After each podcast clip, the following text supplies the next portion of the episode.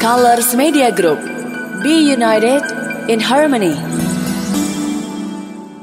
Hai Colors People, gimana malam minggunya?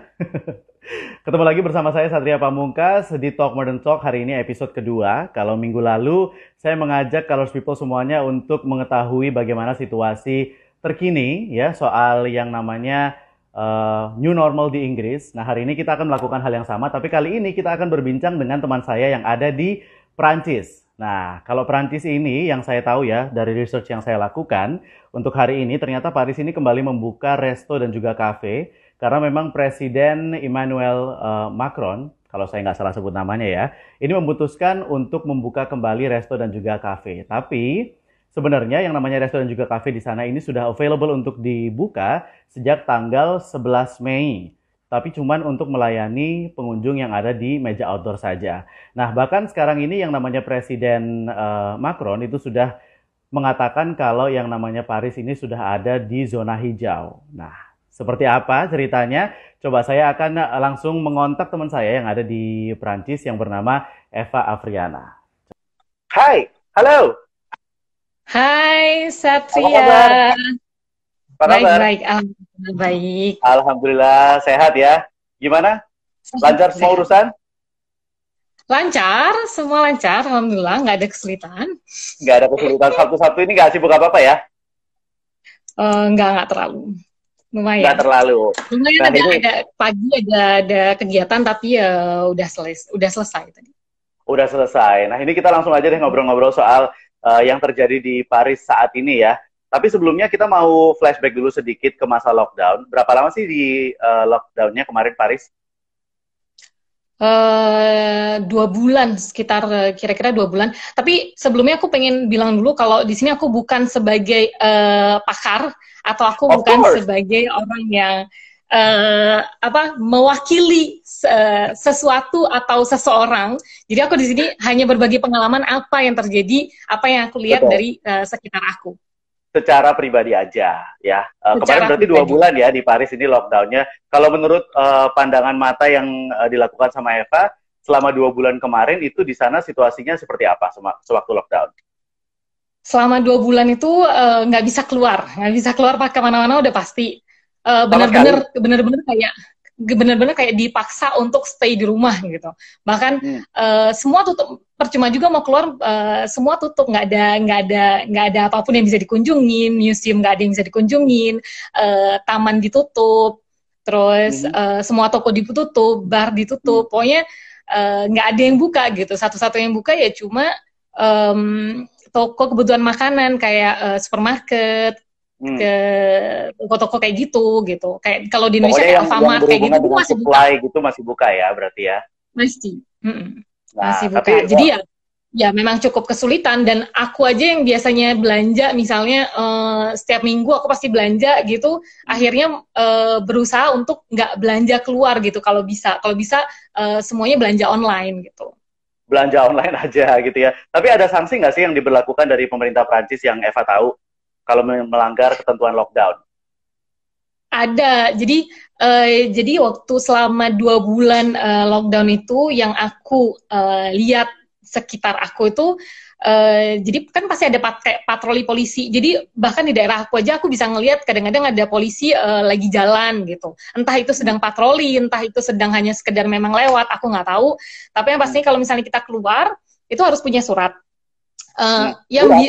Eh, yang yang pasti yang yang yang bisa keluar itu orang-orang yang eh, kerja memang terpaksa kerja kayak misalnya di bidang medis itu memang wajib wajib keluar ya apoteker kayak gitu-gitu wajib keluar yang eh, kerja di apotek terus eh, yang di kerja di supermarket supply makanan kayak gitu tuh udah pasti kerja eh, pasti keluar Hmm. gitu dan itu mereka biasanya udah punya surat dari mm, perusahaannya dari Kantornya. dari Oh. dari atasannya dari kantornya gitu dan kita kita yang nggak nggak bekerja seperti itu yang work from home ataupun yang eh, harus stay di rumah kalau misalnya kita mau keluar tuh harus ada surat. Tapi sebenarnya suratnya itu eh, kita download sendiri gitu loh. Jadi di em, se- eh, di Oh, webnya Kayak ini online government. form gitu ya.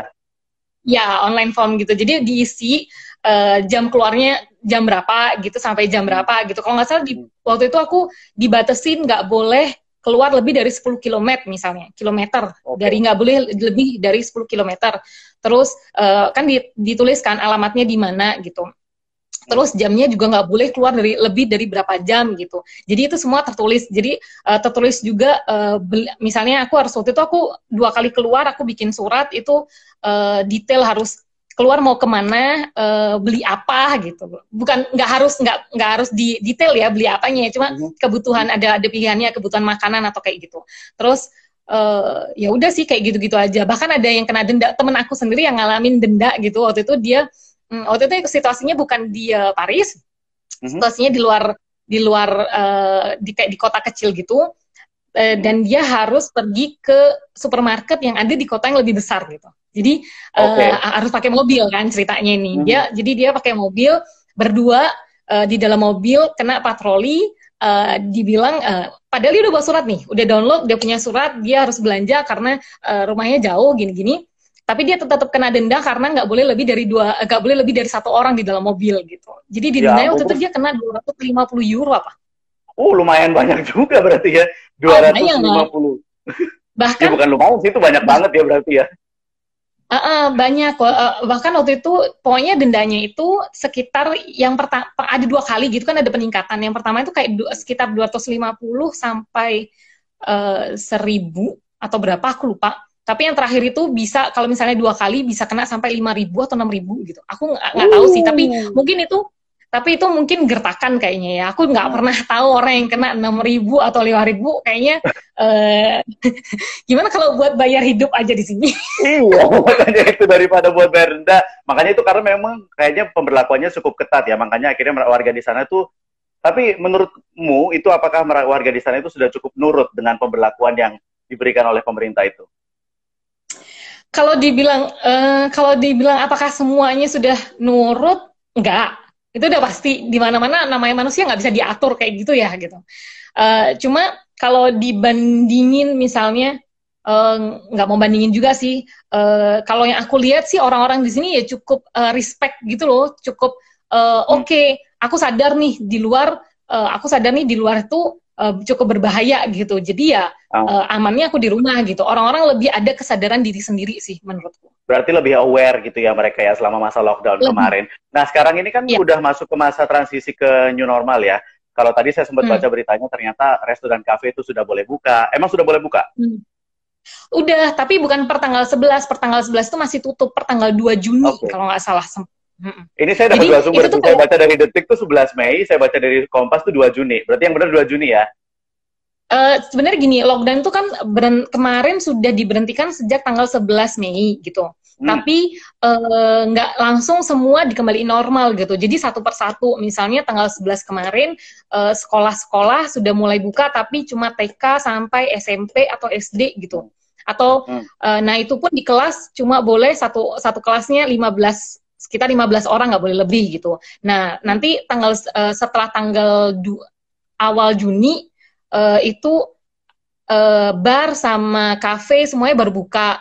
Jadi hmm. kayak di di tahap sih sebenarnya di tahap-tahap. Tapi sebenarnya kalau kafe uh, bukan kafe kayak uh, restoran kayak gitu sebenarnya sudah sebenarnya buka tapi uh, online gitu loh. Jadi kayak kita bisa order tapi lewat online gitu. Hanya beberapa nggak semuanya.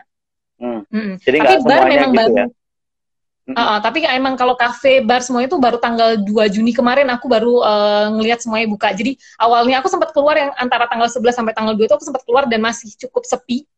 Maksudnya hmm. belum ada kayak banyak banget orang gitu, tapi tanggal 2 kemarin aku lupa waktu itu udah dibuka kan. Jadi aku waktu itu sama sekali nggak inget, aku cuma waktu itu mau belanja ada urusan dan ada urusan pas keluar kok udah rame ya gitu. Eh ternyata semua kafe itu udah buka gitu. Dia aku baru ingat, oh iya, sekarang udah tanggal, sekarang udah tanggal tiga gitu. Kemarin sudah dibuka gitu semua semuanya. Tapi uh, penyesuaian warga di sana selama masa udah new normal ini, mereka uh, kan otomatis kan uh, ada pemberlakuan yang namanya protokol kesehatan gitu ya dari pemerintah, meskipun hmm. sudah buka kembali semuanya. Apakah hmm. mereka itu menganggap new normal ini sudah normal seperti dulu lagi, atau mereka memang patuh-patuh aja gitu? Hmm, dua-duanya mungkin ya entah dua-duanya entah nggak dua-duanya jadi okay. uh, eh, kalau protokol udah pasti kalau protokol uh, kayaknya di mana-mana semuanya hampir sama ya di Indonesia pun sama uh, kita semua harus wajib pakai uh, masker itu udah wajib terus di mana-mana kita juga uh, sekarang kita udah nggak kekurangan lagi yang namanya hand sanitizer kayak gitu-gitu terus hmm. itu kita masuk kita masuk ke supermarket aja, aku masuk ke supermarket aja, itu sama satpamnya udah harus ini pakai dulu gitu, udah udah oh, dikasih okay. di depan. Pakai di thermal scanner segala nggak? Oh nggak, kita nggak nggak ada kita nggak ada. Setahu aku ya, aku nggak pernah hmm. aku nggak pernah merasakan itu gitu. Dan hmm. Bahkan di transport pun uh, transportasi pun juga kan uh, duduk biasanya kita dempet-dempetan ya. Kalau ini tuh kayak hmm. ini boleh di, ini eh, nggak uh, boleh duduk, ini boleh duduk, ini nggak boleh duduk. Jadi kasih titik-titik yang kita memang uh, yeah, yeah. orang-orang biar nggak biar nggak berdekatan gitu. Dan aku sempat waktu itu naik uh, karena wajib pakai uh, masker. Waktu itu aku pernah uh, naik uh, tramway sekali, terus uh, biasanya kan pasti ada kadang-kadang masih ada controller kan tapi biasanya nih kontrolernya itu controller uh, tiket orang-orang yang nggak punya tiket terus didenda gitu biasanya gitu tapi oh. ini uh, di masa hmm. ini aku dua kali ngelihat um, uh, ada orang uh, ada controller itu dateng uh, datengin orang karena nggak pakai masker gitu uh, masker hmm. kamu ke mana gitu wah nggak saya nggak punya katanya gitu ya udah kamu turun gitu kamu beli baru nanti naik lagi gitu dia benar-benar disuruh turun dia aku waktu itu ngeliat orang itu benar-benar sama Wow. Disuruh turun, itu itu benar-benar uh, kamu nggak punya kamu nggak punya eh, nggak ada masker gitu, nggak ada. Kamu turun uh, waktu itu karena masih jalan, um, tramnya masih jalan, jadi uh, kayak tinggal satu satu menit lagi nyampe stop gitu. Terus dia bilang kamu turun sekarang, kamu beli, baru naik lagi gitu. Jadi benar-benar oh, disuruh turun. Itu yang aku itu yang waktu itu aku lihat aku juga sempat sempat agak shock sih ya segitunya gitu. Mungkin tapi itu mungkin di dalam tram ya. Kalau di dalam di metro mungkin agak beda lagi karena metro mungkin orang-orangnya jauh lebih banyak gitu. Misalnya. Ya. Kalau di metro kan Jadi lebih kalau susah di tram kan, gitu ya ibaratnya ya. Iya, uh, di bus pun aku juga nggak ngelihat itu gitu. Tapi aku ngelihat dua kali di uh, tramway seperti itu. Jadi ada memang ada kontrolernya gitu. Ada kontrolernya gitu ya. Tapi uh, tapi kalau secara pribadi Eva merasa kesulitan nggak ketika harus menjalankan uh, kegiatan sehari-hari dengan uh, protokol kesehatan yang sudah ditentukan oleh pemerintah ini? Hmm, kesulitan sih uh, enggak, cuma ada sedikit perubahan aja dulu. Kalau hmm. kalau yang aku lihat orang kalau kita di Prancis dan orang-orang Prancis selalu bilang uh, yang yang pakai masker itu hanya orang-orang yang sakit gitu. Karena kan yeah. memang dari dulu kan seperti itu kan uh, hmm, kayak supaya nggak nularin yang kayak, lain gitu ya ibaratnya ya. Ya supaya nggak nularin yang lain gitu.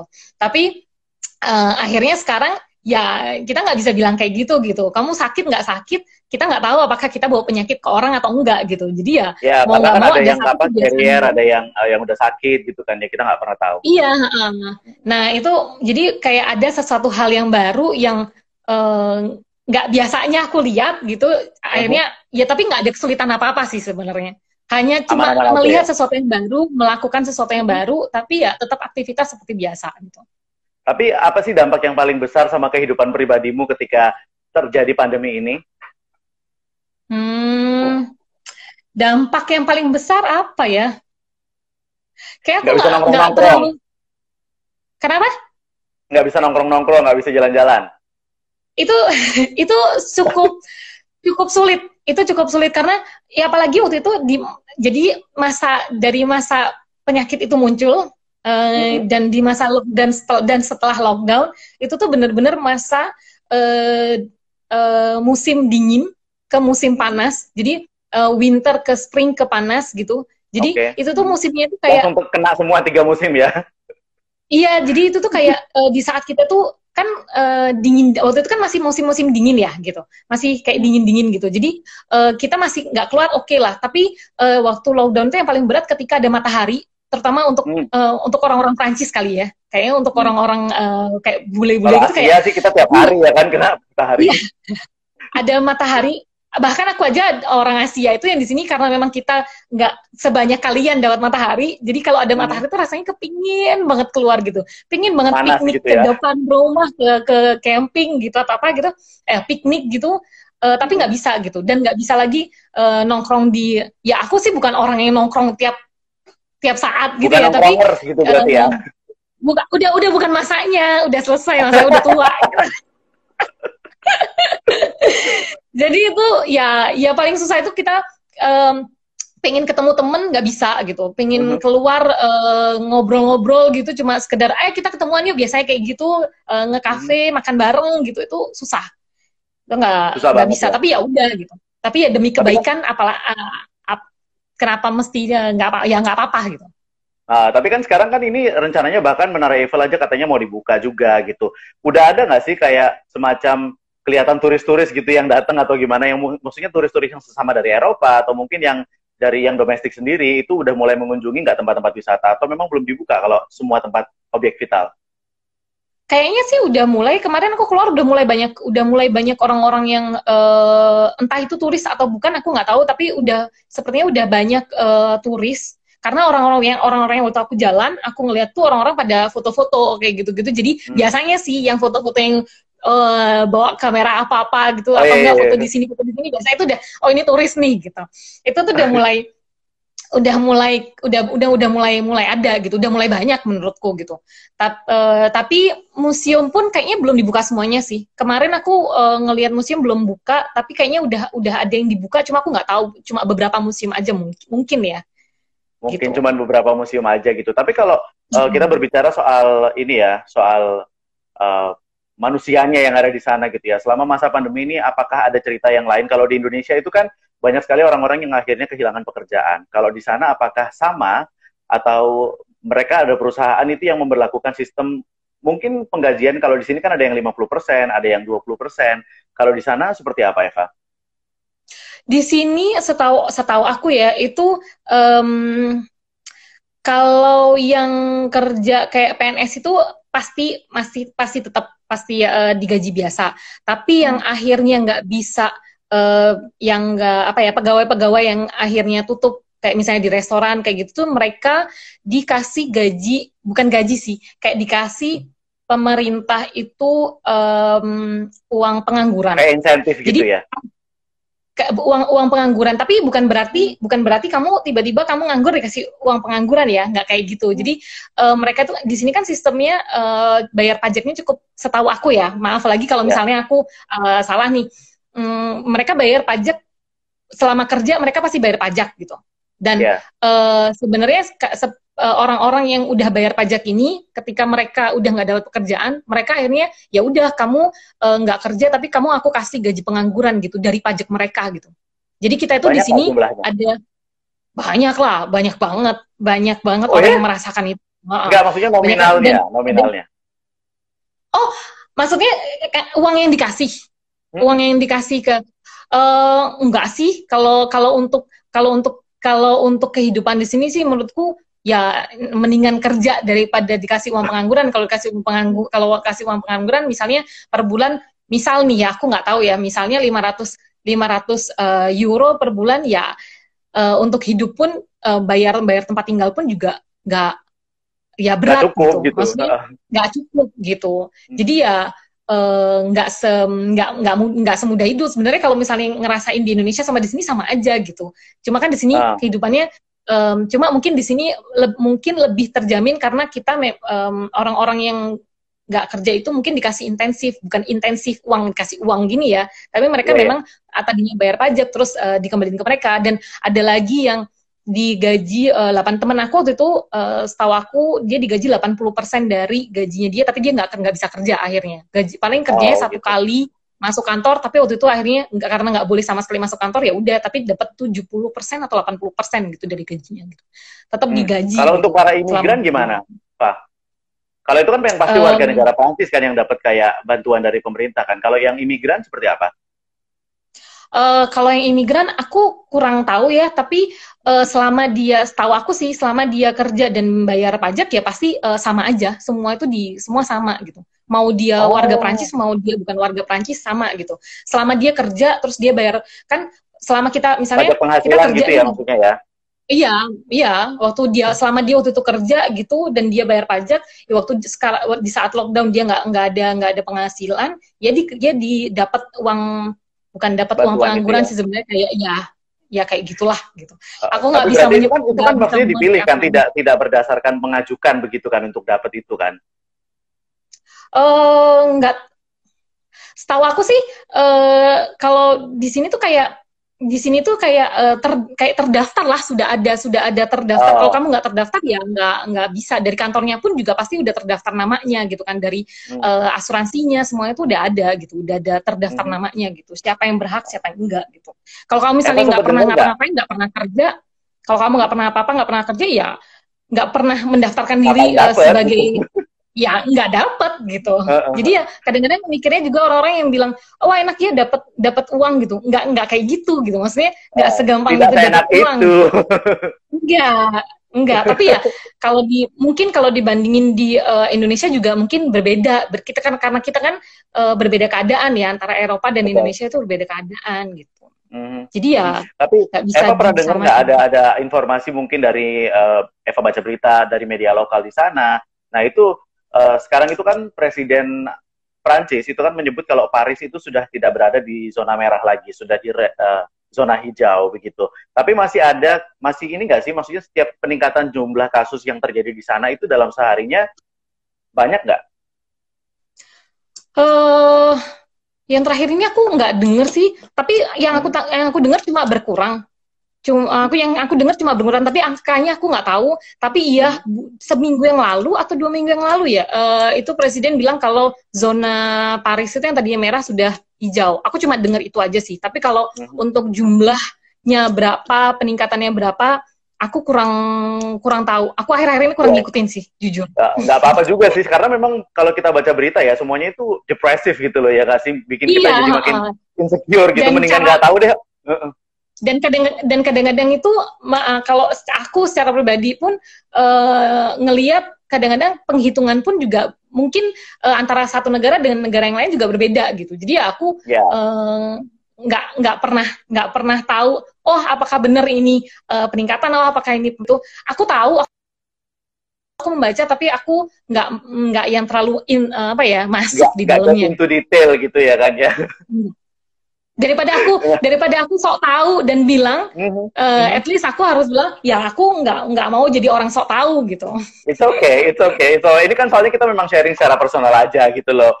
Yeah. tapi Eva menurut kamu nih ya ini kita berbicara tentang uh, keberlangsungan kehidupan manusia yang ada di muka bumi ini dalam masa pandemi ini ya Eva. Maksudnya ini itu kan juga pasti ada hubungannya sama apa yang kita lakukan sejak dulu gitu kan. Small things yang yang mungkin itu buruk kita tumpuk kita tumpuk kita tumpuk akhirnya membuat bumi ini mungkin semakin tua. Terus habis gitu juga akhirnya mumpul uh, apa namanya muncul banyak wabah dan sebagainya.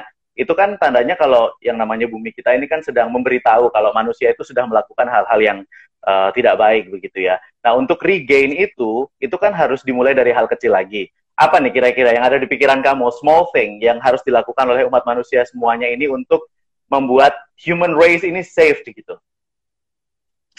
Kalau aku sih satu kata sih buat aku sendiri ya itu respect sih. Mau apa pun respect. mau sama mau sama sesama manusia, mau sama bumi, mau sama mau sama hanya sekedar uh, tanaman di depan tanaman di belakangku respect sih gimana caranya kita uh, uh, saling ngehargain dan saling uh, saling peduli gitu. Maksudnya peduli itu kan luas ya. Menurutku peduli itu yeah. sangat luas gitu. Jadi ya kalau kalau kalau aku sih ma, aku nggak tahu sih entah bu entah dengan kata bumi marah atau apa pun itu tapi uh, kalau kamu nggak peduli itu udah menurutku semuanya udah kayak kamu nggak punya empati kamu nggak udah nggak punya rasa uh, as a human gitu jadi kalau aku bilang yuk reach, uh, respect each other entah itu yeah, uh, sesama manusia ataupun bukan sesama manusia gitu bukan sama manusia yeah. banyak ya entah mungkin di kalian aja juga uh, cerita-cerita dunia mistis or yeah, yeah, yeah. Uh, respect respect dengan uh, alam respect dengan apa pun aku aku sih berharap manusia punya uh, menghargai uh, punya kata menghargai karena menghar karena respect atau menghargai itu sebenarnya semua orang banyak mengerti gitu, tapi nggak semua orang mengaplikasikannya gitu. Ya, jadi Menurut, respect ya. I mean like respect hmm. the universe and the universe will do the same for us gitu ya. Exactly. exactly like that. Eva, terima kasih banyak ya sudah sharing-sharing. Senang banget ngobrol sama dirimu you. akhirnya. Next, uh, kita bisa dong masih uh, ngobrol-ngobrol lagi untuk hal yang lain pastinya boleh, ya. Boleh, boleh, boleh. Kita mungkin boleh, uh, boleh. melakukan sesuatu yang lain mungkin ya. Boleh, boleh. Ada yang mau disampaikan mungkin untuk uh, warga negara Indonesia dari Prancis sana, Eva? Uh, nggak ada sih. Aku cuma cuma balik lagi sih. Uh, sa saling hargain aja lah satu sama lain. Mm -hmm. Oh iya, kalau misalnya memang uh, memang um, pengen berhenti gitu, uh, kayak wabah sekarang ini pengen berhenti ya ya udah gitu. Di saat kita nggak bisa keluar ya jangan jangan jangan keluar gitu. Di saat kita nggak nggak um, nggak kita nggak tahu gitu kita sendiri bawa penyakit atau enggak gitu. Kalau misalnya kamu sok tahu dengan diri kamu sendiri terus kamu tiba-tiba ah nggak ada apa-apa gitu yuk kita keluar terus kamu ternyata yang kamu yang bawa penyakit itu ya udah uh, hancurlah teman-teman atau lingkungan sekitar kamu gitu. Jadi ya um, uh, apa ya ber melihat diri sendiri lah, melihat uh, melihat gimana sih diri kita sendiri, keadaan diri kita sendiri dulu gitu, baru kita bisa ngelihat orang lain gitu. Oke, okay. say respect in ya. French. Apa? Say respect in French. Apa bahasanya? Serious? Speak in respect. French? Respect in French. Respect. Uh, respect. Uh, non, respect. Bah, respect. Respect, respect. Uh, I don't know how to say it. Pokoknya bah, kayak gitu. Respect lah. Voilà, euh, il y a responsabilité, respect, euh, respect euh, de avec euh, avec les autres, respect entre entre les humains. Maksudnya, il y a le respect in uh, each other between human gitu. Okay. Kamu mau, mau mau aku aja ngomong pakai bahasa Prancis boleh? Oh, next time. Itu harus ada kursusnya sendiri, private ya langsung between you and me ya. Oke, terima kasih Eva sudah sharing-sharing hari ini. Sehat-sehat selalu yang pasti ya. Ya, ya, okay. ya. Kalian juga sehat-sehat. Semoga orang-orang di Indonesia, okay. semoga uh, wabah di Indonesia juga semua segera berakhir. Di sini udah membaik, mudah-mudahan di sana juga membaik. Yang pasti ya, tahu, balik lagi, sadar sama diri sendiri gitu. Ngomong-ngomong, katanya Surabaya zonanya zona hitam ya? Uh, update terbaru sih udah namanya udah bukan zona hitam, sudah ke zona merah sih. Cuman kayaknya uh, update jumlah hariannya itu makin banyak gitu ya. So pray for us here. Semoga okay. cepat sembuh semuanya, Amin. semoga berakhirlah semua wabah ini. Oke, okay, thank you so much Eva. Kita ketemu lagi next time ya ngobrol-ngobrolnya ya. Oke. Okay. Nah, itu dia tadi obrolan saya bersama dengan Eva ya, semoga bisa memberikan informasi untuk Colors People semuanya tentang kehidupan yang ada di sana ketika new normal. Yang pastinya untuk Colors People, uh, buat yang belum sempat nontonin live Instagram kali ini, nanti saya akan posting di Instagram TV-nya saya langsung atau di Instagram TV-nya at FM. So, thank you so much for watching and stay home, stay positive, stay healthy, and color your world. Bye-bye. Colors Media Group Be united in harmony.